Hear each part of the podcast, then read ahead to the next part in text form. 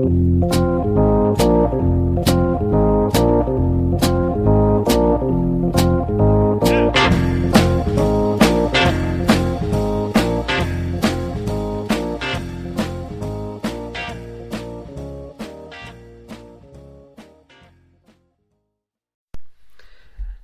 välkomna till Bröla Böla Podcast. Idag så gästas vi av eh, Andrea Correa.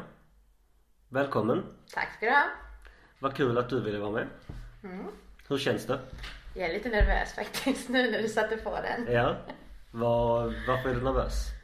Eh, jag har ett minne av att höra min egen röst för, förut och tyckte att det lät hemskt. Eh, det är inte riktigt sånt man är van vid att liksom lyssna tillbaks på. Och nu har jag fått tandställning väldigt eh, nyligen. Så jag känner att det visslar lite. så jag vet inte fan hur det kommer gå. Samtidigt så är det inget tvång att lyssna på avsnittet man är med. Nej, det är fan sant, alltså. Nej, det, det finns ingen... eh, Det är inget tvång, det är inget liksom under hot Det är eller kanske så. så vi ska göra istället så blir jag lite mindre nervös. Det är upp till dig. så, eh, fullständigt namn. Andrea José Correa. Okej, så José. Var kommer det, var kommer det ifrån? Det är min mammas morfar i Chile som lärde mig att gå. Så döpte de mig efter honom eftersom han gjorde den björntjänsten. Eller björntjänst? Tjänsten. Ja. Så är det, är det vanligt i Chile att eh, man, man kan få liksom ett, eh, i detta fall ett manligt mellannamn? Det är rätt vanligt i hela Latinamerika faktiskt. Man kan heta Maria José och vara man till exempel. Mm. Eller som jag, Andrea José eller så sen ihopslagna namn är ganska vanligt. Jag, jag, det, är en- det var en bekant till mig som berättade om det här. Det, för att han berättade att hans, hans mamma var uppvuxen i Colombia. Eh, tidigt 60-tal. Eh, och då var tydligen, då var tydligen så här, engelskan var inte så himla stark där i, i Sydamerika då. Och det var väldigt vanligt att man döpte, eh, man döpte barnen efter båtar i hamnen. Så det var liksom, det var rätt många i den här colombianska kustan som hette, eh, jag vet inte hur de uttalade men US Navy. Ja, Osnavi. Osnavi, det ja, stämmer. exakt, det exakt. det stämmer faktiskt. Det var, det var, det, det är lite roligt liksom. Det, sen om man inte vet så tänker man ju inte på det. Det bara låter bara som ett coolt namn. Ja, ja. Nej, men det är ganska populärt i Spanien också för min kompis pappa var, vad heter det, eh, när man är läkare som förlöser barn liksom. Ja men förlossningsläkare. Ja. Och han ska ju registrera alla ungar. Mm. Då var det många som hette Michael Jackson som ett ord Mm. och Osnavi. Mm. Det är bra. Det är skitbra. Eh, hur gammal är du? Jag ska fylla 36 om en vecka. Nej, den 18 december. Ja, det får jag gratulera i förskott. Tack. Hur känns det att fylla 36 då? Det är sjukt för att jag var ju skitglad att vara 30. Jätteglad att vara 35. Men nu när jag kommer till 36 så börjar jag tveka lite. det är som att det börjar gå lite fort på något sätt. Och så hjälper det ju inte att jag jobbar på plan B där alla är typ 19-20. Mm, Så det men, blir men, men man är omgiven av dumma ungdomar. Ja, precis. Så känner man sig supersmart och vis och jävligt gammal liksom. Du drar, du drar sådana referenser "Ah, kommer du ihåg det här barnprogrammet? ja. Nej just det, det slutade sändas tio år innan du föddes. Alltså, Kanon. den är så störd. Till och med så här, jag bara, kommer ni ihåg Grynet? Jag försöker säga så här, referenser som jag tänker att de kommer ihåg. De bara, nej men jag är ju liksom född 2000. Jag vet inte fan när jag, när jag tog studenten typ. Så det är skitsvårt. Jag vet inte vad de kollar på. Vad har de för referenser? Jag vet inte. Jag, jag, jag umgås inte alls för mycket med folk som är 19-20. Så att ehm, jag, jag, får, jag, får, jag får fråga mina småkusiner om det eller någonting. De bara, you gotta listen to the classics. Blink 182 typ. Mm, just det. Det är ju retro. Ja det är retro. var, var är du född någonstans? I Valparaiso i Chile. Ah. Så eh, när kom du till Sverige då? Vi kom 1986. 1986. Olof Palme tog hit oss. Så då, då var inte du allt för gammal? När jag var ett, när jag kom hit och sen så flyttade vi tillbaks när Pinochet dog, Mhm. 91. Men sen så kom vi tillbaka. Så jag, jag är uppvuxen på båda ställen lite grann så. Var är du uppvuxen i Sverige? Kramfors i Ångermanland. Pulver city. Det, jag skulle inte kunna sätta eh, Ångermanland på kartan överhuvudtaget. Kan, för de, för oss oinvigda skåningar, Ja. kan du, kan du, kan du sätta det ungefär på geografisk karta liksom? Eh, Ångermanland är känt för Höga Kusten. Mhm. Eh, och det ligger på östkusten. Eh, ungefär vid Östersund, So- Sundsvall, Härnösand, Kramfors. Som Åre ligger på östra sidan mot Norge så ligger Ångermanland liksom jämte där fast åt, mot Finland. Mhm. Så där uppe någonstans. Okej, där uppe någonstans. Ja. Så det, men ni, ni, kom, ni kom till Kramfors från Chile? Ja, de hade alla flyktingförläggningar där uppe. Så vi kom i stort sett från Sydpolen till Nordpolen. Ja, verkligen. Min morfar gick runt i kostym liksom i minus 50 och fattade ingenting när det kom fram. Och, eh, men hamnade ni i Kramfors sen också när ni kom Ja. tillbaka? Mm, Ja, vi flyttade tillbaks där, dit. För att det var lättast så. Vi hade ju vår, liksom, våra grejer där och sådär. Eh, så tyvärr så bodde vi där väldigt länge. Men hur, hur, var, hur var det att flytta tillbaka till Chile när Pinochet hade, hade dött? Eh, alltså det var en jätterolig stämning i, i Chile då för att diktatorn var liksom död och det skulle börja om på nytt och många kom tillbaka och Chile är ändå ett ganska modernt land och så här. Ganska, det finns ganska fina stränder och städer och så här med skyskrapor så det kändes som att det var framtiden. Men sen för oss som kom från Sverige, speciellt min mamma som var ensamstående med mig så blev det ju en sån jättekrock med, med, med mäns syn på kvinnor liksom. Eh, så vi, vi klarade oss i ett och ett halvt, två år och sen var vi tvungna att flytta tillbaks. För det blev för mycket skit liksom. Hon, klar, hon klarade inte av det. Alltså, Nej. hon klarade inte av kontrasterna. Nej, liksom. man förlorar ju mycket av sin makt som kvinna när man åker tillbaka till, i alla fall då. Detta är ju nästan 30 år sedan liksom. Då var det jättestor skillnad. Det fanns inte så mycket rättigheter för kvinnor på samma sätt som det gör. Alltså det är därför det har varit så mycket revolution och grejer i Chile för att det är ett väldigt orättvist samhälle på något sätt. Så du ska vara rik och man om du ska ha det bra.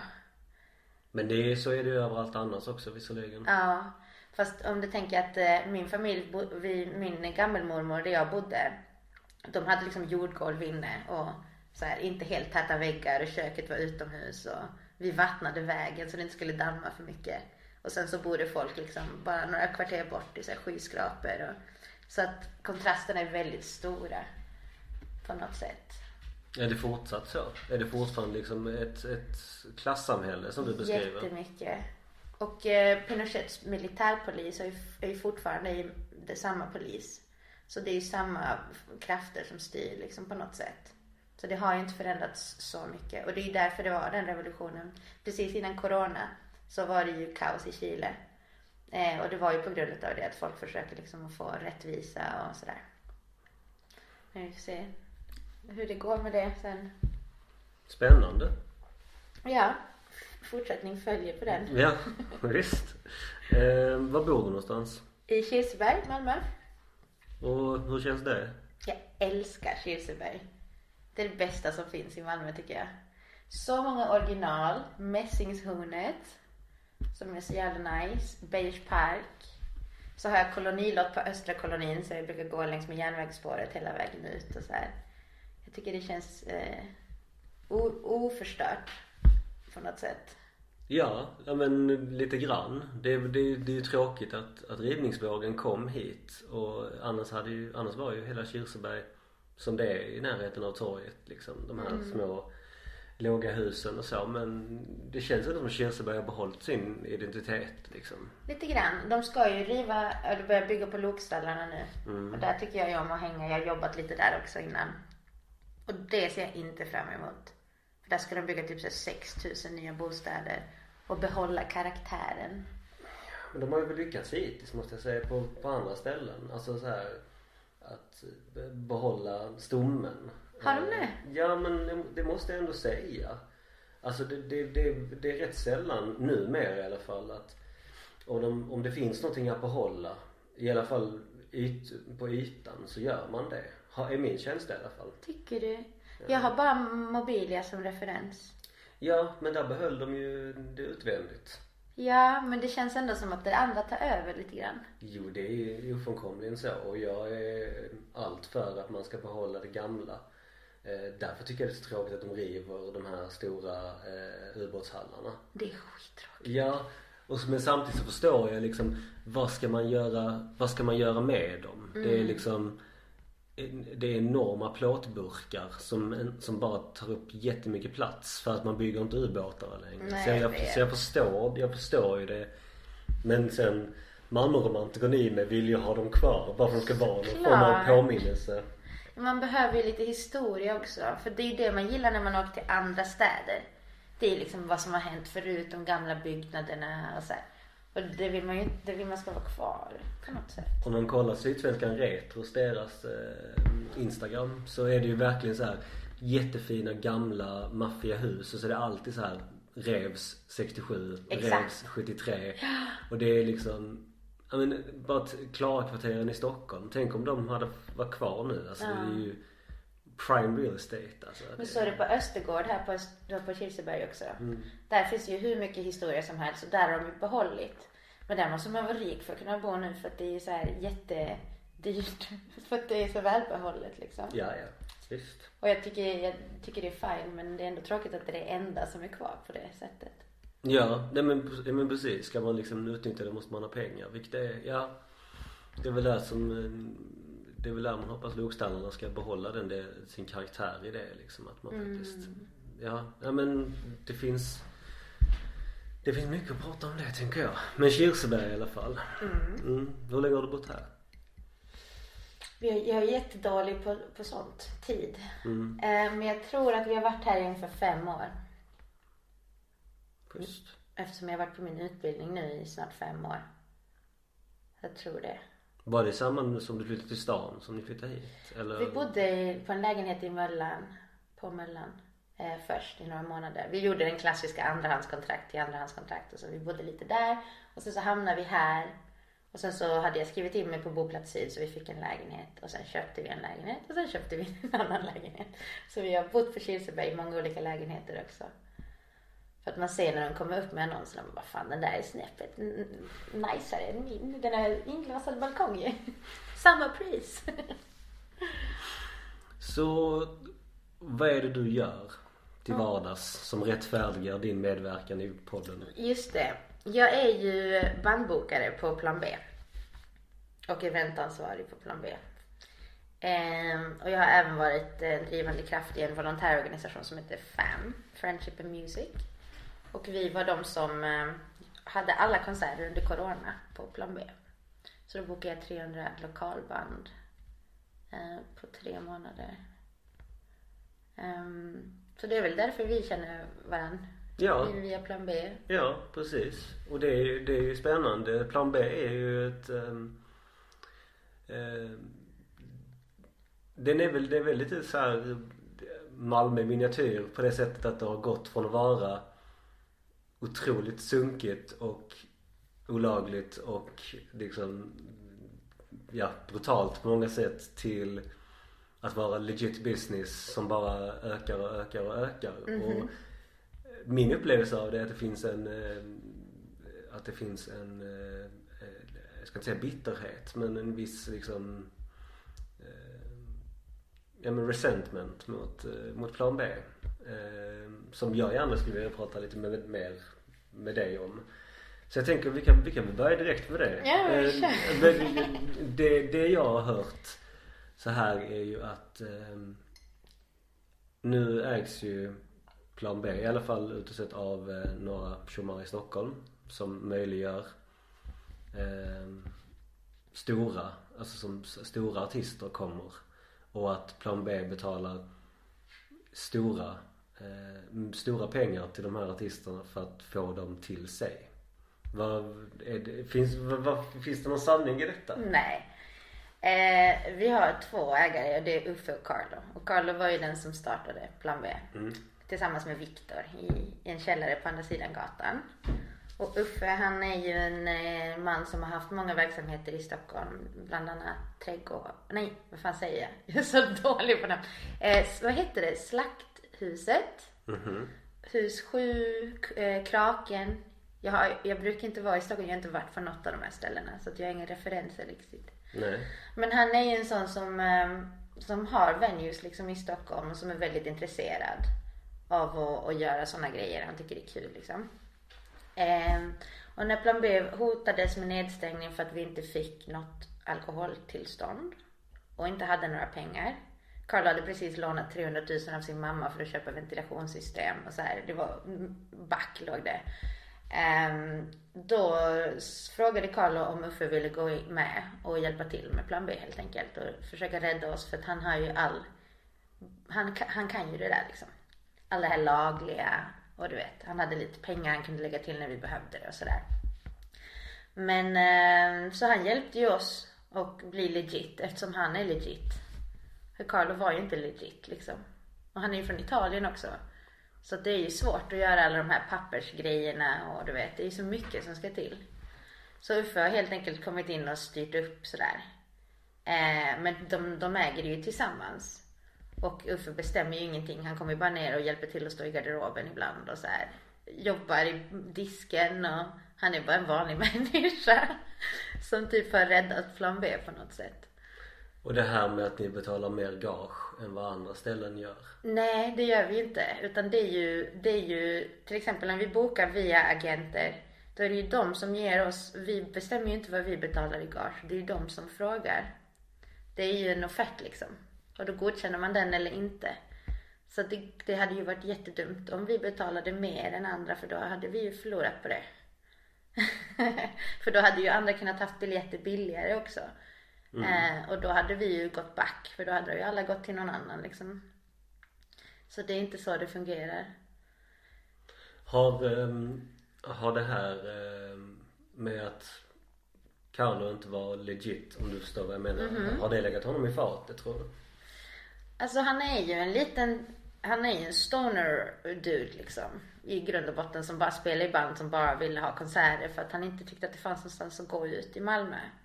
Eh, så jag tror att han har ju behövt eh, ändra hela sin personlighet lite för att kunna ha en legit business. Så det har nog, det har nog varit lite motigt faktiskt att göra den resan liksom.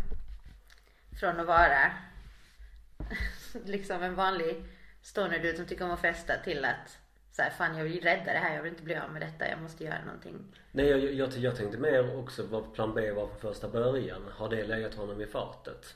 Alltså, alltså har, det, har, det legat, har det legat plan B i fatet? Liksom? Alltså eh, betyder det negativt? Ligga, ja, ligga i? Ja. ja men det har det absolut. Vi har ju några eh, Vi har ju några nemesis på Malmö stad till exempel. Som hatar plan B och hatar Carlo. Så att om vi ska typ dyka upp någonstans och representa så gömmer vi Carlo ibland. För att de bara, inte den där jäveln igen liksom. För att han är ju punk, punkig liksom och han säger ju vad han tycker och han han är ju inte rädd för att säga fuck you till folk som inte är, är hjälpsamma liksom och sådär. Eh, men jag tror att vi har kommit in i en ny våg nu när de, för att det var en tant till exempel som bara vägrade att hjälpa och ge stöd till plan B. Även om allting stod rätt till. Bara för att hon inte gillade Carlo. Och bara för att hon, hon hittade på sig grejer. Att det var droger, att det var, folk blev betalda under bordet. Men vi var liksom en volontärorganisation. Det var ingen som blev betald ens en gång. Så det var bara så här, jaha, okej. Okay. hur, hur, hur, vad gör vi med detta? Liksom, det finns ingenting man kan göra. När någon har bestämt sig, som i maktposition, så får man bara vänta tills den personen inte sitter där längre liksom, på något sätt. Och, och, det, gör, och det gör hon inte längre? Nej. Hon har eh, pensionerat sig hur, um, um, men om jag, om jag bara tänker um, om jag bara tänker högt utifrån um, vad, plan, vad plan B har blivit. Var det liksom planen från första början? Jag tror inte det. Så Carlo är ju den som är den som är bakom allting. Han ville nog bara rädda det. Alltså han ville bara att det skulle finnas. Och nu tror jag bara att han tänker såhär, fan vad fett om vi gör så här. Fan vad roligt om vi gör så här. Du vet de här containerna som vi har byggt han bara tyckte det var coolt liksom. Så jag tror inte, jag tror att det är en stegvis process bara. Vi fick tillfället att ta över garaget bredvid nu så tänker, tänker han liksom, fan vad fett att göra så här jättecoola backstage. Så banden kan chilla för nu har vi bara en liten skrubb. Så att allting är bara rätt, rätt naturligt liksom. Jag, jag, kan, jag kan ju sakna, jag kan ju sakna eh, eh, husvagnen. Ja, eller det gör inte artisterna kan Nej det kan, det, kan, det, det, kan, det kan jag förstå men jag, jag, jag, jag kan sakna den för det, var, det, det kändes väldigt rock'n'roll på något sätt. Ja men verkligen. Och jag, det finns ju väldigt mycket, mycket nostalgi över det som har varit. Och ibland så sitter Carl och bara så här. Kan inte någon bara öppna en plan B igen? Kan inte någon bara göra det vi gjorde? Andrea, känner du någon som skulle kunna göra det? Jag bara, nej jag vet faktiskt inte. Jag vet inte om jag, jag är kanske är för gammal nu liksom.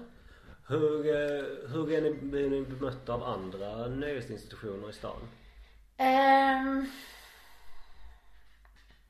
det är ju lite så här. äh, Det är ju inte jättevänskaplig stämning i Malmö tror jag. Vilket är intressant för Vilket att, är intressant ja. För att det, det jag hör av alla jag pratar med är att det är raka motsatsen. Nej det är sant. Eh, alltså, alltså vad som representerar Malmö som så är att det är väldigt vänskapligt. Man hjälps åt. Man, man bidrar till Alltså om jag hjälper dig så hjälper du mig så kan vi växa tillsammans. Mm. Alltså att, att det är den liksom, att det är den mentaliteten. Men, men fortsätt, förlåt. Nej, jag, jag vet inte. De, de, jag var på en intervju på SVT precis innan corona. Och då frågade de så här, vad, vad tycker du ska hända liksom nu när restriktionerna släpps? Och så, här, så sa jag bara så här, jag hoppas att vi kan arbeta tillsammans så att vi inte har konserter samtidigt, att vi hjälps åt, att vi har en öppen dialog, bla bla bla. Det kände inte alls att det var så, utan det kändes mer som att alla bara så här, nu är min konsert här och nu är min konsert här och allting är samtidigt och folk bara, men jag vill gå på båda. Och det var bara så här, det hade man ju kunnat, eh, det kanske bara är vi då som är utanför den dialogen på något sätt. Men eh, Men kan man inte, kan man inte förstå det också samtidigt att, eh, att man, restriktionerna släpps, klart man bara vill liksom ja Här. men absolut, det förstår jag ju. Men, men det gynnar ju inte någon. Alltså det är ju dåligt för alla om vi gör så. För att det finns ju inte så mycket folk i Malmö tyvärr. S- Speciellt inte som vill gå ut alltså på en onsdagkväll typ. Nej, det är sant. Så att det där kan man ju, hade vi kunnat alla sköta lite bättre tror jag. Men jag tror också att eftersom den här industrin är så himla hårt piskad också. Så var det bara typ så här överlevnad. Så då blev det nog lite hetsk. Eller inte hetsk, men lite kallare stämning kanske. Men det kanske blir bättre nu framåt. Jag hoppas det. Jag hoppas verkligen det. Det är väl, det är väl på något sätt lite ditt, ligger lite på ditt bord också. Kanske, vi får se. Ja. Jag börjar jobba nu i januari för jag håller på att skriva min master nu också. Mm. Så att jag är ju inte 100% eh, alltid plan B-hjärna liksom. Men det bästa hade ju varit det att kunna försöka få till. Alltså för att vi vill ju att Malmö, det handlar ju om Malmö som stad. Och vi vill ju att det ska finnas många venues för att det är ju coolt om det är en musikstad. Det ligger ju, det är ju skitbra för oss ju. Men då gäller det också att man eh, hjälps åt och liksom kan göra grejer tillsammans och inte liksom trampa varandra på tårna och du vet. Att boka 300 lokala band, det är ju, det säger väl någonting om att det är en musikstad. Att Ja, det finns 300 lokala band. Verkligen. Det är helt sjukt ju. Och det finns fler än så. Ja, Det finns oh ja. mycket fler än så. Om du tänker att från varje band så kanske det finns fem band. För alla medlemmar har liksom sina projekt och grejer. Så det är helt fantastiskt. Kaffe. Kaffe är fantastiskt. Nej. Eh, så. Andrea, nu ska vi lära känna dig lite bättre. Okej. Så, eh, vad tycker du om det? Det är helt okej. Så, eh, vilka är de sämsta egenskaperna du fått från dina föräldrar? Åh oh, nej! Sämsta från mina föräldrar. Så det här kommer bli, jag hoppas min mamma inte lyssnar på detta. Nej det kommer hon inte göra. Alltså. Min mamma är ganska överdriven. Lite drama. Och jag tror jag kan vara det också ibland. Jag tror inte jag är det eftersom jag är medveten om det. Men hon är så här fatalist liksom. Allting kommer gå åt helvete 100% hela tiden. Och det står en mördare i varje hörn liksom. Och eftersom hon har varit sån mot mig när jag var liten så har ju jag också blivit lite så. Mina småsyskon är också så. De bara, jag vill inte gå och lägga mig för det fanns någon som blev knivskuren och bla bla bla. Jag bara, oj oj oj det där känner jag igen alltså. Och ändå bjuder du in dig- mig i. Exakt, men min mamma bara, vem är det som ska komma nu? Jag bara, men han är lugn. Tror jag i alla fall. Ehm, om du fick ändra något i din uppväxt, vad skulle det vara? Ehm, den är svår den med. Mm, det är svårt. Jag är ju flyktingbarn så det finns nog rätt mycket. Eh, men kanske att min familj skulle ha haft det lite bättre ställt. Att det hade varit lite lättare att komma in i samhället för dem. För det var rätt många hundår där vi alla bodde i en lägenhet liksom och alla skulle bli undersköterska samtidigt och du vet. Så det är väl det kanske. Lite bättre förutsättningar. Eh, när känner du dig blyg? Eh, senast jag kände mig blyg var ju när jag fick tandställningen. Det var ju dagen innan restriktionerna släppte. Nej, de drog ut tänderna dagen innan. Så fick jag tandställning några dagar efter. Så på första dagen när restriktionerna släppte det var tusen pers på plan B. Då hade jag bara inga tänder liksom utan någon anledning. Och det känns lite skumt. För att det är ju folk som jag har träffat många gånger innan och så plötsligt har man inga tänder och alla bara vad hände? Vad har du gjort? Vad har du gjort? Jag bara, jag cancer. Nej. Men eh, jag fick ju förklara för det. Jag ska skaffa tandställning. Hej, hej. Jag ska skaffa tandställning. Hej, det är okej, det är okej. Ingenting har hänt. Det, det, ingenting har hänt. Men det var lite så, fan vad jobbigt. Varför nu då? För jag tänkte liksom att det är ju, det är ju corona. Ingen, det här kommer ju gå fort liksom. Och så släpper de restriktionerna exakt dagen efter. Jobbigt med en person som jobbar med människor också. Ja. Mm. Så var det en klubb som undrade om jag ville sjunga från scen också. Och jag bara, jag tror inte det går för alltså. Får vänta lite. um, har du en favorithemsida? Ja, Heaven's Gates hemsida. Alltså den som ligger utanför Gävle? Nej, va? Eller va? Finns det, är inte den, heter inte den Heaven's Gates? Finns det en hemsida utanför Gävle? Nej, nej men, nej men Nej men det här, ehm, men vad är det, buddhisttemplet som... Heter det Heaven's Gate? Jag tror det. Alltså Heaven's Gate var ju en eh, sekt i USA på 90-talet. Det var självmordssekten. Självmordssekten. Och de la ju ut sitt manifest på en hemsida. Och så lät de en av sektmedlemmarna leva. Så att han skulle hålla koll på den hemsidan i resten av sitt liv. Så det är hans legacy att bara betala den serveravgiften liksom och låta den här vara uppe. Har du inte sett den? Nej. Den är helt sjuk. Det är massa så här bubbelfont och Comic Sans och grejer. Och, och så är det det här darkness bakom liksom. Vilket mörker. Ja, men intressant. Har du någon, eh, har du någon favorit social medie? Uh, uh, uh, uh, Meme Lord Jackie. På Instagram. Så det är ju Instagram då? Ja. Varför gillar du Meme Lord Jackie? Jag tycker bara han är skitrolig. Eller den, jag vet inte. Nej, som ligger bakom. Det är bara kul ja. Det är så himla det är så himla svenskt och lite platt och så här, lite dumt bara. Och det, det är så här dumma grejer som inte spelar någon roll. ja. Det är liksom aldrig politiskt det är så här Lotta på Bråkmakargatan meme och sånt. Det är roligt. Väldigt eh, harmlöst. Ja, verkligen. Eh, när var du arg senast?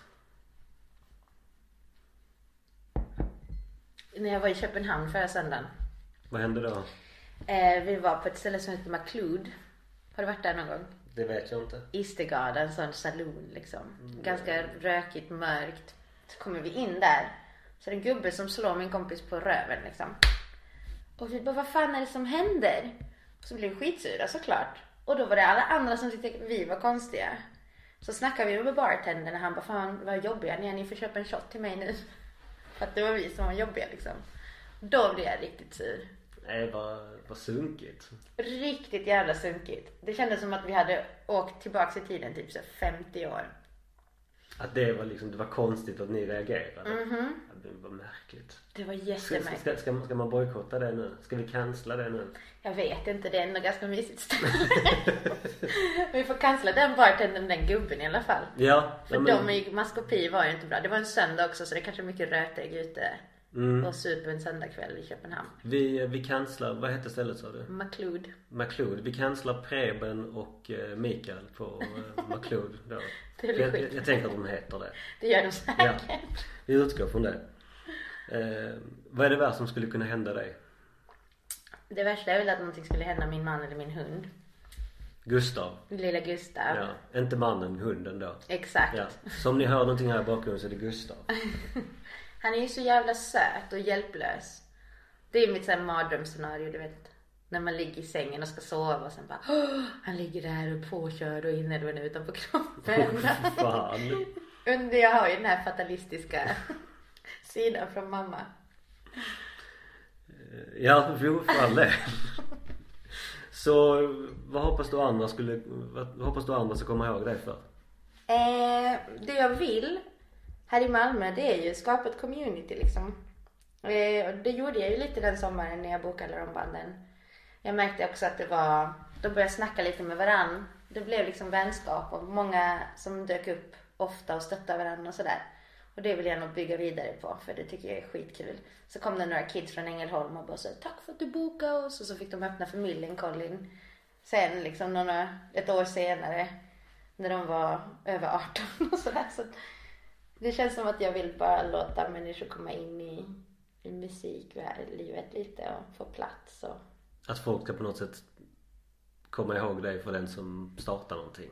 ja, förde ihop någonting kanske. Ja, det är ett bra legacy. eh, tror du andra ser dig som en bra lyssnare? Jag vet inte. Det tror jag inte. Alltså varför inte det? För att jag är jättedålig på följdfrågor. Mm. Jag överanalyserar ofta och så fokar jag nog på fel grej. Ah, jo men, men jag, jag, jag känner igen mig i det för att eh, eh, det är någonting som, det handlar inte om att jag är ointresserad. Det handlar om att jag, men jag måste påminna mig själv om att om någon frågar mig hur är läget och jag säger det är bra. Då, då instinktivt förväntar jag mig att då kommer personen berätta för mig hur den mår. Men ingen gör det så jag måste alltid ställa följdfrågan. Vilket jag har lärt mig i vuxen ålder. Vilket inte är, vilket inte funkade superbra när jag var yngre. Nej, liksom. eller hur? Det kommer sig inte naturligt för mig. Jag var så här, jag måste tänka mig för. Och jag tror jag fokar på helt fel grejer. Typ så här, ja min gröna klänning har gått sönder. Jag bara, varför var den grön? Folk bara, va? Jag bara, förlåt. Då kanske det låter som att man inte har lyssnat överhuvudtaget. Ja, du noterade att den var grön men inte ja precis. Men fokus på fel, fel grejer kanske. Ja. Mm. Ehm, så berätta om lärare du haft i livet som inte är kopplat till utbildning. Jag har haft några stycken. Carlo har ju hjälpt mig jättemycket och lärt mig hur man gör det jag gör. Boka band och sådär. Eh, och sen så har jag en eh, vän i Spanien som heter Pe- Pepinski. Eh, som är 80 år nu. Som lärde mig att ha kul när jag var tonåring. För jag flyttade till Barcelona när jag var 17. Och han var en sån här trygg, för jag var ganska rädd för allt som jag har berättat om med min mamma som var så galen. Så han lärde mig att släppa loss och typ så här ha kul. Vi cyklade på tunnelbanespåret och du vet så här, bara gjorde galna grejer ihop. Och han som var vuxen, då litade jag ju på honom att, eh, Manana manana. ja men typ. Han är konstnär, galning som, som bara levt sitt liv genom att ha kul liksom. Så att Hur, hur ramlade du över honom liksom? Jag jobbade i en karamellbutik och gjorde karameller på den tiden. Så det var lite konstnärlig vibe där vi gjorde skulpturer och allt möjligt av socker och sådär. Och då kom han in där en dag utklädd med en peruk och bara började stoja. Eh, och då tyckte vi om varandra liksom. Jag tyckte han var rolig, jag skojade tillbaka. Så då tog vi ett glas vin efter jobbet bara. Så, så gör man i Spanien. Och sen dess så var vi jättegoda vänner. Och umgicks hela tiden. Och han hade jättemycket kompisar och så här stora bjudningar och grillfester och grejer. Han låter ju helt fantastisk. Ja, han är det. Men nu börjar han bli lite tokig när han börjar närma sig 80-årsåldern. Corona är en sån jävla konspiration för honom liksom. Ja, ja, okej. Så där, jag vet inte om jag kommer kunna träffa honom igen för jag tror inte ens han har vaccinerat sig. jag ska vara ärlig. Ehm, vad har du svårast att acceptera hos dig själv? Ehm, att jag kan vara ganska flyktig. Det är återkommande. Ja. Det vad, vad, hur, hur ger det sig att du känner då? Men det märker jag väl när jag har övergett en massa projekt och sen märker att jag inte har avslutat grejer till exempel. Eller att, eh, att jag har lovat någonting och sen glömt bort det. Alltså så. Jag är lite kanske ostrukturerad eller någonting. Kanske man ska kunna säga. Men det känns som att min hjärna bara hoppar vidare till nästa grej ganska fort och så. Men är det för att det, det andra är roligare? Eller är Antagligen. För, ja. Fast jag är inte en sån som dumpar någon för någonting roligare, typ om man ska hänga eller så. För det är det värsta jag vet. Det har jag haft en kompis som gjorde en gång. Hon bara, du, jag kommer inte hem till dig på middag för att jag blir bjuden på någonting annat som var lite roligare. Ja, Jag bara, vad fan fuck her. gör folk sådana grejer? Jag vet inte. Inte så öppet. Det har jag inte varit med Brukar om. väl hitta på en lögn i alla fall. Ja men typ. Det, ja, det, ja man har ju sådana vänner som bara liksom så här. de, de väntar in eh, om någonting roligare ska hända. Eller det, hur? Det, det, det är så fattigt alltså. Det är jävligt fattigt. Då vill man ju inte hänga med dem sen ju. Nej det vill man inte. Vad har du störst risk att bli beroende av? Antagligen alkohol. Ja. Är det något som, eh, är det något som varit återkommande? Nej men jag är ju uppvuxen i en miljö, alltså inte med min familj men typ från det att jag flyttade till Spanien så är det ju liksom vin varje dag och cocktails och vermouth och cañitas och man, det är typ det är så man umgås ju. Så att det tog ett tag innan jag insåg att jag kunde beställa en kopp te istället till exempel. Det tog några år innan jag hamnade där och var såhär, varför mår jag så dåligt varje dag? Men hur, men hur, men känns inte det, för det här har jag pratat om med några vänner och så att är inte det att vi svenskar är dåliga på att göra det med måtta? Det kan det vara, men jag tycker inte de gör det med måtta. Men de verkar inte må dåligt av det så som jag gör på något sätt. Nej, nej. Det kanske är andra gener. Nej men visserligen är jag, jag, jag, jag vet inte. Det, det är kanske precis, vi här uppe i Norden vi, vi, vi, får- vi får det under uppväxten, en, en dålig tolerans mot alkohol. Kanske. Jag, kan, jag har ingen aning. Jag Men- vet inte, vi kanske men- är dåliga är på att dricka vatten eller någonting också. Nej men det, det är väl klart att, att det låter ju väldigt liksom härligt att kunna kombinera det ena och det andra. Alltså en alltså röjarfest och bara fortsätta liksom livet dagen efter. Men så funkar det ju inte. Nej det gör ju inte det. Och jag tror att i Spanien så är det ju väldigt accepterat att alla sover till klockan ett nästa dag. Mm. Det är ju inte riktigt det här.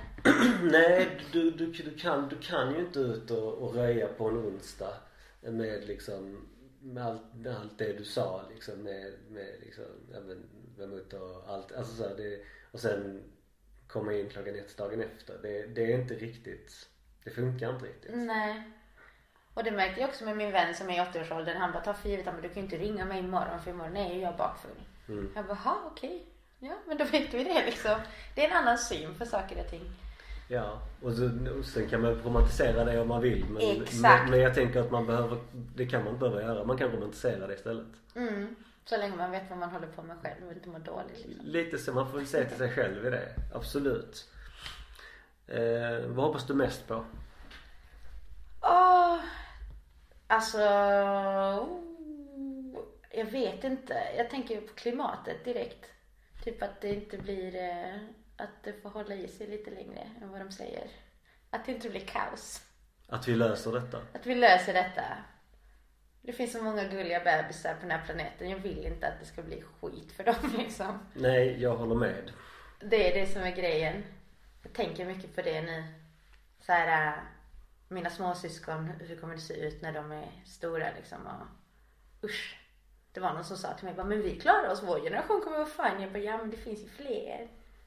Ja, ja, nej det är, det är också, om man nu ska bli lite grim. Jag, jag läste FN-rapporten bara så här, alltså vi här uppe kommer klara oss fint. Alltså lite, häft, lite häftiga regn, lite mer översvämningar. Men vi kommer få riktigt goda somrar och, och så. Det kommer vara perfekt.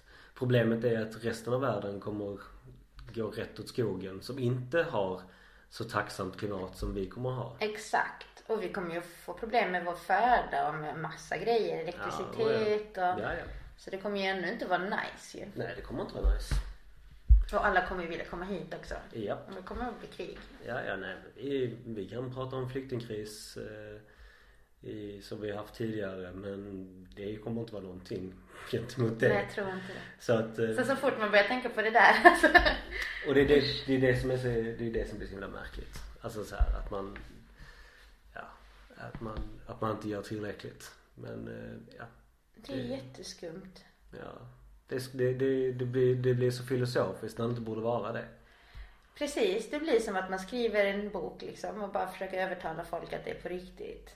När det finns forskning som visar att eh, det är jättekonstigt. Japp. Men det är för att folk inte vill tro. Nej och, och folk kan inte riktigt, eh, jag tror inte folk kan greppa det riktigt. Alltså en pandemi är så mycket mer konkret. Det är något som man kan, man kan drabbas av direkt. Bli sjuk, bli väldigt sjuk. Bli liksom inlagd på sjukhus. Att man, det, drabbar, det drabbar en själv. Något som pågår hela tiden. Och som ligger liksom längre fram. Det är väldigt svårt att mentalisera. Mm. Vilket det inte borde vara men det är. Det är det. Men vi får väl se. Vi håller tummarna. Vi håller tummarna. Så jävla platt att säga det. Ja visst. Ja, men man, man, man, man, får göra, man får göra det man kan. Ja, verkligen. Usch. Så hur bra är du på att ta emot kritik? Jag har blivit bättre. Jag har ju varit på universitetet i fyra och ett halvt år nu. Mm. Det är väl typ det enda man gör. Ta emot kritik. Skriva om och göra om och det här var dåligt, det här är inget bra. Jobba i grupp och folk bara, fan vad du är jobbig att jobba med. Jag vill inte vara i samma grupp som dig. Så att jag har blivit bättre på det nu. Hur var du innan då? Jag var ju manager i 15 år liksom. Så jag var nog ganska bossig och jobbig. Manager? Ja, jag var manager för ett godisföretag innan jag flyttade till Sverige. Jaha.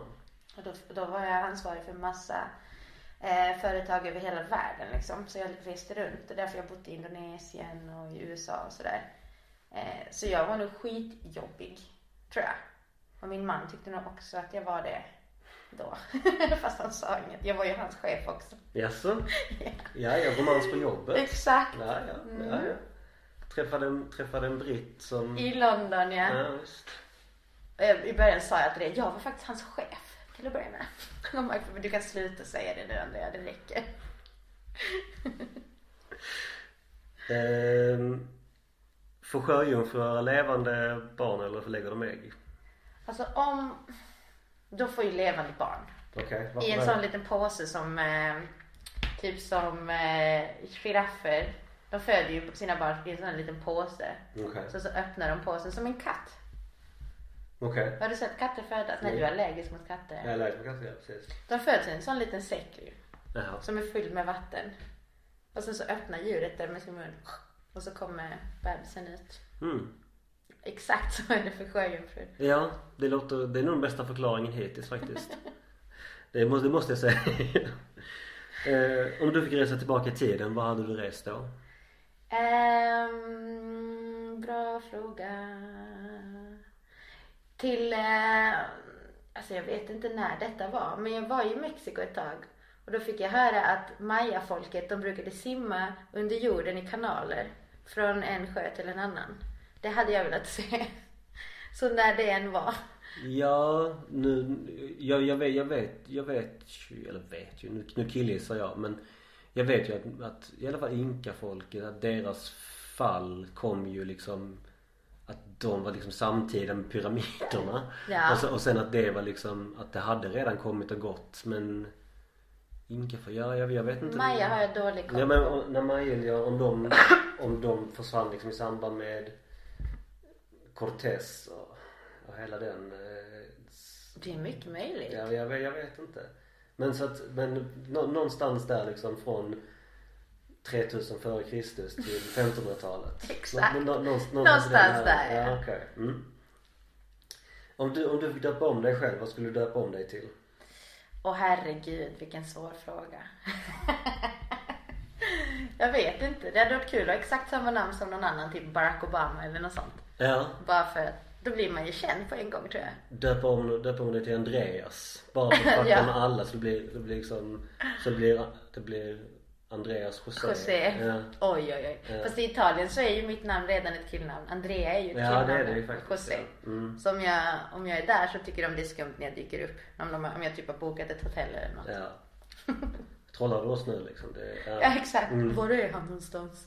Nej, alltså det är ju det hade varit jättekul eh, för att det, det finns en gammal, om det är en tjeckisk ishockeyspelare, det här är direkt från min pappa som har så jävla tråkig humor. Men han är också väldigt rolig. Han berättade det att eh, han och hans kompisar de bokar alltid restauranger i namnet Nedomanski. Jaså? Bara, bara liksom bara för, bara så här, det spelar liksom bara, och så kommer man, och så har jag börjat göra det nu också. Nej. Jo. Vi har en som brukar boka eh, fotboll i namnet Turbo, Turbovic. Turbovic. Och vi bara, vem är han? Och sen säger det någon helt annan. Ja men just det här bara, ja men eh, namn, ja Nedomanski. Bara, så här, bara kul för mig. Det är liksom, Ja. Det, ja.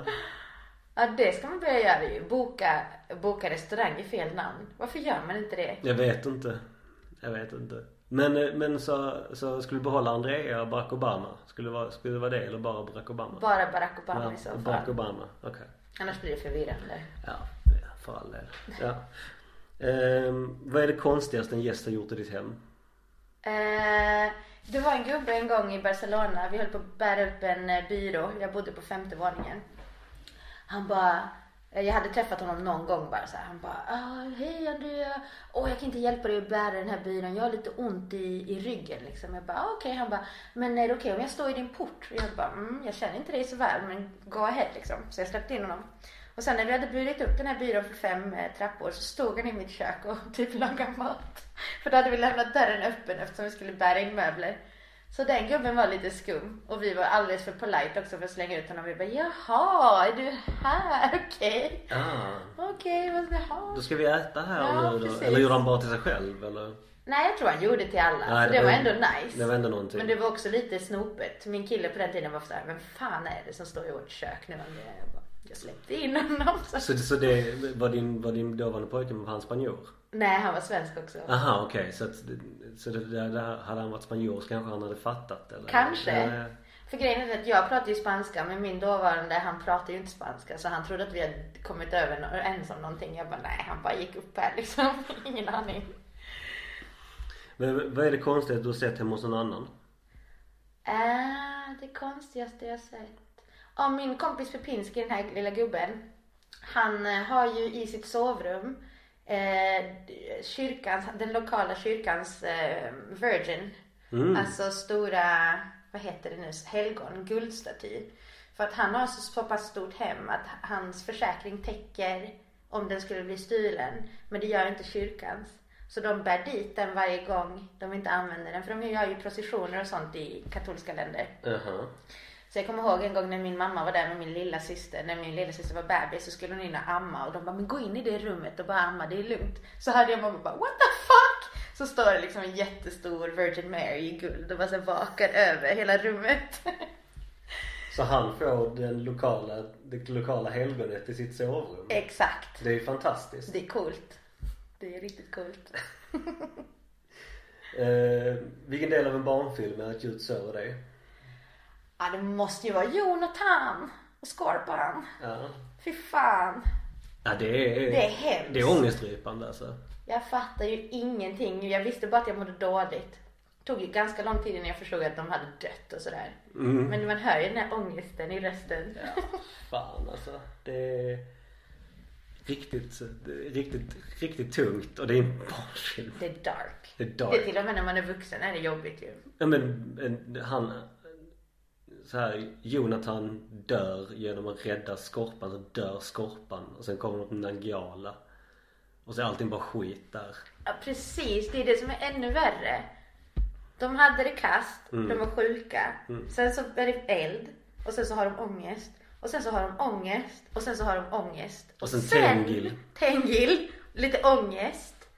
Till slut kanske. Vi vet ju inte vad som händer i Nangi Nangilima. Lima. Mm, Tänk om det också är en sån curve liksom. Vad fan är det där? Ja kanske. För jag tänker att alla de som dör i Nangijala måste ju komma till Nangilima. Så jag vet inte. Det är rätt många bad guys som dör där. Ja jag vet. Och jag menar all makt och Tengil vår befriare.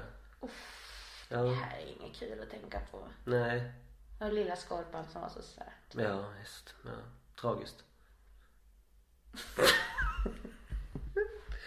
Ehm, vilket brott är det störst risk att du begår? Eh, jag har redan begått ett brott och det var i USA. Jag tror det är det brottet jag brukar begå mest och det är cykla på trottoaren. Men när jag gjorde det i USA så kom det en massa beväpnade poliser och bara såhär Hands where we can see them, get down, get down! Och typ stod och, och, och siktade med, på, med pistol på mig. Eh, så jag var tvungen att ställa mig mot ett staket med händerna uppe, cykeln på marken. Och de bara where shows your passport, your identification. Jag bara I'm from Sweden, I don't know anything. You have to leave me alone. Det var det sjukaste. Där var jag brottsling för riktigt. Ja, ty, ja men du, du blev det. det. Ja visst. Så nu är jag försiktig med att cykla på trottoaren. Är det ens olagligt i Sverige? Ja. Det är det. Men Ja. då är det det. Ja, ja okej. Min guilty pleasure. Nej, det, det kommer sen. Jag gör det. Så namn dina tre favoritalbum. Mm. Jag har nog inga favoritalbum. Det blir för svårt. Det blir för narrow. Men jag har favoritartister. Kör. Eh, när jag var yngre. Min moster var gotare när jag växte upp. Vilket är ganska roligt för vi var ju flyktingar liksom. Men hon kom när hon var 13 och hon såg ut som sången i The Cure. Så svart hår, massa smink. Så hon var gotare redan i Chile? Ja, Ja. hon blev gotare när hon var 12. Åh fan. När The Cure släppte sitt första album. Så alla som har bott i Kramfors under den tiden de känner igen min moster när jag säger min moster Marisol. Alla bara ja men vad fan jag kommer ihåg henne liksom. Så mitt första musikminne är att jag ser The Cure på MTV. Eh, och är livrädd men tycker att det är skitcoolt. Så The Cure är ett av de banden som har format lite min musiksmak. Och sen så har jag alltid varit väldigt inne på lo-fi musik som är gjord hemma. Det finns en artist som heter Daniel Johnston som är väldigt stor inom den genren. Som typ uppfann och spelade in hemma på en liten bandspelare och klippa ihop och sådär. Så han har, för så gjorde vi också. Vi spelade ju in musik. Det gör vi ju alla nu för tiden i och för sig. Man gör musik hemma men det var då vi insåg att vi kunde göra det själva också. Att det, om, även om det lät skit så kunde det vara en del av soundet på något sätt. Och sen tredje vet jag inte. Då är det nog typ så här mm, Kate LeBon, någon sån här contemporary female artist. Som släpper bra skivor. Det finns många bra turkiska band nu också. Turkiska band? Mm. Mm. Altin Gun och eh, Grupp Şimşek. Det finns hur mycket som helst egentligen. Och sjunger de på turkiska då? Ja, Mm. Hur är din turkiska? den är okej. Vi bodde i Istanbul ett tag. Mhm. Så jag känner igen vissa ord, typ gulle gulle, jag vet jag betyder smile smile, hej då. typ så, så det är roligt att, att lyssna när man känner igen så jättekonstiga grejer i texten. Hmm. Chai, te. Jag vet att so är vatten. Är det så? Jag det kommer jag inte det, ihåg. ja. Det är det enda jag kommer ihåg från vår charterresa i Turkiet. Är det sant? Ja. De sa alltid koncept efter allting. Jag kommer ihåg att de skulle öppna någon butik, de som vi jobbar med, de bara hamburger konceptisi. Och då visste man att det var så här konceptet, hamburgare. Spännande. Jättespännande. Vad var, hur, hur var det att bo i Istanbul då? Det var lite bull, Istanbul. Ja, ja. Det var faktiskt det för att det var Erdogan, eh, det var politisk unrest där på den tiden. Var Som att det inte är där det är idag. Nu är det nog värre än vad det var, Mm. men jag tror det började då. Det var en liten pojke som skulle gå och köpa bröd som blev dödad av polisen. Eh, och de stängde av hela gatan och vi var typ instängda i vår lägenhet i några, några dagar och så här. Så det var inte världens bästa upplevelse tyvärr. Mm. Men det är ändå fin kultur, jättebra musik, ganska god mat. Fast vi blev lite trötta efter ett tag på maten också. Vad är det för mat då? Det var, för oss var det rätt mycket bara kött och bröd och pickle. Alltså såhär gurka. Och ayran. Ehm, och så hade de sån här berg med rått kött som de gjorde ansikten på. Mm. Eh, så lägger de det här råa köttet i ett salladsblad och så får man det på gatan så. Mhm. Det är också en sån grej som man kan undra om man ska smaka på eller inte. Lite så, ja. Ja, du nämnde ju gatuhundarna i Filippinerna. Nej, Indonesien, Indonesien, ja. förlåt. Mm, precis. Ja, det är också en så här, ska man smaka eller inte? Ja, Jag gjorde ju det utan att veta om det. Ja, det Du åt alltså Gustav? Det Jag åt helt enkelt, ja men, då vet jag i alla fall vad han är gjord av. I början av corona så släppte de ju en sån chart där det stod vilka delar av hunden som var goda. För folk som var inlåsta. Så, guilty pleasure. Har du ett sådant? Sova. Sova. Mm. Är det mycket sova? Om jag kan så älskar jag att sova. Eller jag sover dåligt men jag gillar att vila liksom. Så om jag kan stanna i sängen hela dagen så gör jag nog gärna det. Det är så jävla nice. Tycker inte du det? Jo, jag uppskattar min sömn, absolut. Eh, sen så har jag väldigt lätt att bli rastlös. Så att Aha. jag, jag, vill, en- jag, jag vill hellre liksom, jag, jag kan få lite ångest om jag har sovit på eftermiddagen. Ja. Att det är liksom, fan, nu gick den här dagen också. Ja men det kan jag förstå. Men typ såhär kolla på serier, käka Kelloggs och bara Ja, hänga, ja det, sova, vila. ja, det kan vara skönt det också såklart. Eh, har du några tatueringar? Inga. Nej. Fast jag drömde att jag hade massa. Jaså? Jag drömde att jag var i Stockholm och arrangerade en festival. Så spelade jag Bob Hund och så sjöng alla skåningar med. Så blev det bråk. Ingen annan? Nej, alla sjöng med på skånska. Och jag bara, nu blir det beef Nu mellan är Stockholm. det revolution Ja men typ, det var den upp, upp, upp, upp, mer. Och jag bara jävlar nu kommer stockholmarna och skåningarna börja bråka här. Och så hade jag en Bob Hund-tatuering och jag bara fan. Nu har jag visat mina true colors. Det var en bra dröm. Så eh, vad är Malmö för dig? Eh, Malmö för mig är en typ en lekplats där man kan göra precis vad man vill i stort sett. Det finns jättemycket möjligheter om man bara pallar. Det finns jättemycket folk som är hur coola som helst som kan dra i grejer. Eh, det finns jättemycket möjligheter här om man, om man pallar liksom. Känner jag. Vad tycker du representerar Malmö? Eh, för mig så är det ju såklart eh, typ Norra Grängesbergsgatan och mellan. Varför det? För att det är liksom ett, som ett, ett det är bara som en sammanfattning av hur Malmö är i stort på något sätt. Ehm, Den här liksom ganska avslappnade stämningen, den multikulturella, lite temperamentsfullt ibland, du vet. Känns som att det, det är så överallt fast där är det ganska koncentrerat på något sätt. Om en vän till dig besöker Malmö första gången, vad gör du med den personen då? Jag brukar ta dem till Replay Pinball. Har du varit där någon gång? Mm, nej, ja men är är det där, är det där vid eh, Almtorget? Det är på Sallerupsvägen. Ah, Det är en liten nej. medlemsförening som är full med såna här flipperspel i en liten källare. Mm, jag tror jag har sett det men jag har inte, jag har inte varit där. Nej. Jag, jag jobbade lite där ett tag. Bara för att jag tyckte det var kul att hänga där. Men det är så jävla kul. De har massa pinballmaskiner och så kan man dricka folköl och hänga och käka godis. Så, så dit brukar jag ta folk. Och sen eh, till brofästet. Det är fint ju. Vi kommer ju vi kommer till ett favoritställe. Ja. Men vi, vi, kan, vi kan ta det direkt. Har du något favoritställe i stan? Eh, jag gillar ju Loksvallarna jättemycket. Och brofästet. Varför gillar du brofästet? Det är så jävla mäktigt. Och det är alltid så sjuka grejer som händer där.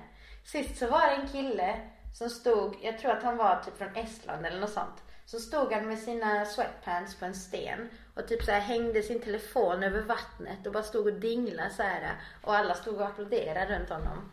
Och jag bara, det här, det här, det händer liksom.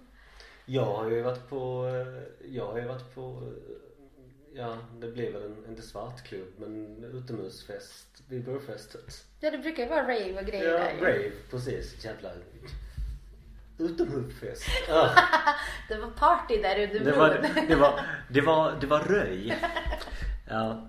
Ehm, Men eh, om du fritt fram fick, eh, om, förlåt, om du var turist i Malmö, vad tycker du saknas här? Men jag tycker det saknas torg med folk på. Alltså uteserveringar, torg. Den här Davidshalls torg, heter det så? David torg, ja precis. Där finns det ju potential att bara fylla det med stolar. Och på bord. Halva är ju en parkering. Är det så? Nej, Ja. inte Davidshall, Sankt Knut. Mhm. Där har vi ett bra exempel på hur man skulle kunna utveckla lite mer sådana hangout places. Med mycket, med mycket stolar. Problemet är ju med alkohollagstiftningen. Det är ju det. Mm. Ja. Ja. För folköl då, vad fan. Vad sa du? De får sälja folköl bara. Ja, i Det funkar ju för ja. mig i alla fall. Ja, visst. Det kan ju vara hur mysigt som helst. För att det är det man gillar. Eller jag gillar i andra städer. När man går ut på ett torg och det sitter folk och man hör det här sorlet liksom. Det är så jäkla nice. Ja, det har du helt rätt i. Jag har inte tänkt på det. Ja, men lite sorgligt torg liksom. Mm. Mhm. Ehm, om, du fritt, om du fritt fram fick ta någon från en annan stad och placera i Malmö, vad skulle det vara? Någonting. Ja, någonting. En, en sak, ett, en staty, en, ett helt torg, en hel stadsdel. Alltså det är fritt fram. Oj, oj, oj. Um, vet det fan. Ska vi ta hit Kockumskranen igen då? Ja. Är det sånt Mm. folk brukar göra? Mm. Vi tar tillbaks den. Vart är den? I Korea? Ja. Ja, vi bara tar tillbaks den. Ja, jag håller med. Det tycker jag. Och, och ja, måla om den typ där det står, jag vet inte, Västerhamnen eller någonting. Eller bara liksom låta den vara Kockums och ha den bara ståendes. Ja, jag Mm. läste att det bodde eh, mycket fåglar på den kranen. Örnar och grejer. Alltså? Så det hade man ju kunnat sätta en livecam och Ja, visst. kört Kockums direkt. Alltså det, fin- det finns ju någonting i det. Jag är helt för att Om inte så den faktiska Kockumskranen tar en replika. Mm. Typ som de gjort i Eriksberg i Göteborg. Och har de gjort där? De har ju en, en kran där. Eh, till, vi har förstått som typ ingången till stadsdelen. Där är en kran där det står Eriksberg på. Med typ Wow. orange. Alltså den är, den är jättecool. Vad Jag nice. kan visa när vi har spelat klart. Ja. Så, så det, det är så jag tänker. Ja men det behövs. Det behövs lite så en hyllning till Arbetar-Malmö. Och den finns ju där. Den är ju inte nedmonterad. Den står väl i... Ja, sen tror inte jag koreanerna är så himla sugna på att släppa sig ifrån den. De fick den så billigt så Jävlar i det. ja. Så att eh, vi får väl se. Vi får se hur det går. Ja, exakt. Så, eh, har du någon favoritrestaurang? I Malmö? Ja. Maya Cantina. Jag bodde i Mexico City och jag kan säga att de tacosarna är legit alltså. Riktigt gott är det. Det är svårt att äta med tandställningen nu. Mm, så det blir mest soppa. typ. Det blir mest bara såhär, jag får ta med mig mixer och typ köra tacos ibland. Gud vad gott. Smoothie. Eh, anser du att malmöiter är konfrontativa angående sin stad? Eh, nej, det tycker jag inte, inte angående sin stad. Men typ om man går före dem i kön till bussen, då är det kört. Så att vi är konfrontativa på annat sätt? Ja, Mhm. så man passar sig nog ändå liksom. Det är nog underförstått. Men jag tycker inte att folk är så här Malmö bäst. Jo, kanske M- när det är MFF match. Så kanske man får syn på det där lite mer. Jag tror det går i vågor. Kanske. Frågan är ställd till dig så att det är väl din upplevelse. Jag tycker inte det. Eh, kan du dra en riktigt tråkig Malmö-anekdot? Ehm, jag blev rånad på eh, Folkets park för jättelänge sedan. Så jag var ute och gick med min kompis från Stockholm. Han bara, kan vi inte gå till det här ägget? Jag bara, vadå ägget? Jag menar kuken. Så vi var där och letade ägget. Så hamnade vi vid Folkets park och så var det en massa kids som hängde där. Så tänkte jag så här, nu vill inte jag vara en sån som tar saker för givet. Bara för att de ser ut som trubbel så behöver de inte vara det, tänkte jag då. Så gick vi förbi och så tog de fram en kniv. Slog till min kompis. Jag började skrika på hjälp. Vi var precis utanför Färghatten. Eh, och sen så på något sätt så blev jag skitsur och typ puttade bort dem och började skrika så de sprang iväg. Och sen så gick vi in till Far i hatten och de bara, ja, men vi hörde att ni skrek på hjälp, vi trodde ni skojade. Och sen så ringde vi polisen och det värsta var ju faktiskt polisens agerande. För de eh, satte oss, det var en massa såhär nassepoliser liksom. Så satte de oss i en van. Och så bara tog de massa kids. Alltså bara random kids ut mot Rosengård. Bara radade upp dem längs med gatan. Lite, lite rasprofilering. Exakt. Och så bara körde de långsamt och bara var det den här? Var det den här? Jag bara nej men låt dem. Jag vet inte fan om det var. De bara släppt dem. Jag bara var det den här? Var det den här? Och jag bara nej. Även om det var det så kommer vi inte säga det till er nu för ni är så jävla keff liksom. Så det var en jättetråkig upplevelse. Speciellt polisens eh, uppföljning av det hela tyckte jag var jobbig. Vilken, eh, det, bör, det, började med, det började med en kuk och slutade med en kuk. Men kuk. Exakt. Eh, berätta en fyllehistoria från Malmö. Jag har Om det, är från, om det är din egen eller någon annan, det spelar Det var en kille som jag kände nu som var på plan B. Han, äh, han kommer inte att lyssna på detta. Men han var aspackad. Och jag bara såhär, vakterna kommer ta ut honom nu. Och det är ju vakternas jobb för den här killen är en fara för sig själv. Jag såg att han ramlar runt och så här. Eftersom jag känner honom så bara iggar jag det. Jag vet inte vad det är som går fram och bara säger vad händer? Så tog vakterna ut honom. Och så blev han lobad. Och så hade hans jacka gått sönder. Och så, så ringde han mig nästa dag. Han bara, fan Andrea vad är det som händer med plan B? Vakterna är helt sjuka i huvudet. Jag bara, ja okej. Jag såg, jag satt och tittade på det. Bara för att vara säker på att ingenting skulle hända. Det var jättemycket folk där. Så han var korrekt behandlad.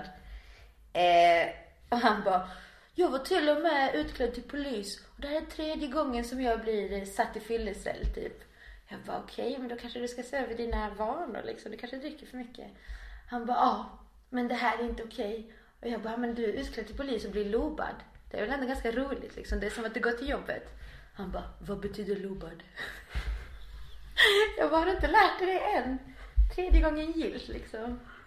Så den tyckte jag var lite rolig. Att han inte visste vad lobad var. När han är den som blir lobad hela tiden och är utklädd till polis. Men för helvete. Alltså. Ja, ja. Den är skum. Ja. Ja men, det, ja men då så. Då är vi i slutet av av podden här. Så vad händer framåt för dig? Eh, jag tar min examen i januari och sen börjar jag heltid på plan B helt enkelt. Så får vi se vad som händer. Vad händer framåt nu de närmsta det här släpps i början av december. Så, Ja. så vad händer i december för, för dig? Eh, ja, skriva min master, åka till England, jobba lite på plan B. Och eh, that's it. Händer något speciellt på plan B? Jag tror det blir lite julfester och lite grejer men vi har inte släppt det än så att vi får se. Det är lite konserter, lite läst. Kul. Samma gamla vanliga? Samma sätt. gamla vanliga. Perfekt. Andrea, Ja, stort tack för att du ställde upp. tack så mycket. Och eh, vi hörs eh, nästa vecka precis som vanligt. Ha det så bra. Hej!